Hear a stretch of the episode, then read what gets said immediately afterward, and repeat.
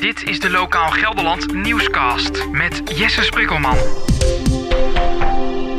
Medewerkers van vervoersbedrijf Willemse de Koning lijken de coronamaatregelen niet altijd even serieus te nemen.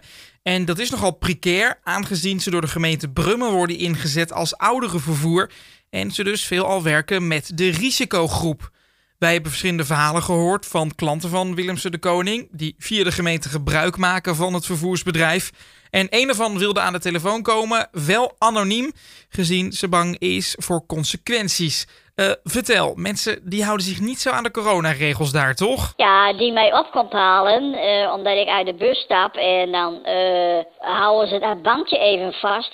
Want anders dat wiebelt dat ding, omdat die bushoogte vrij hoog is de instap. Nou ja, en dan loop ik met deze of gene mee naar binnen, zonder mondkapje. Geldt dat voor iedereen, dat ze geen mondkapje dragen? Dus er zijn heel veel daar die allemaal helpen. En die hebben dus geen mondkapje op? Nee. Dat is dus uh, wanneer je geholpen wordt, wanneer mensen binnen die anderhalve meter bij je komen.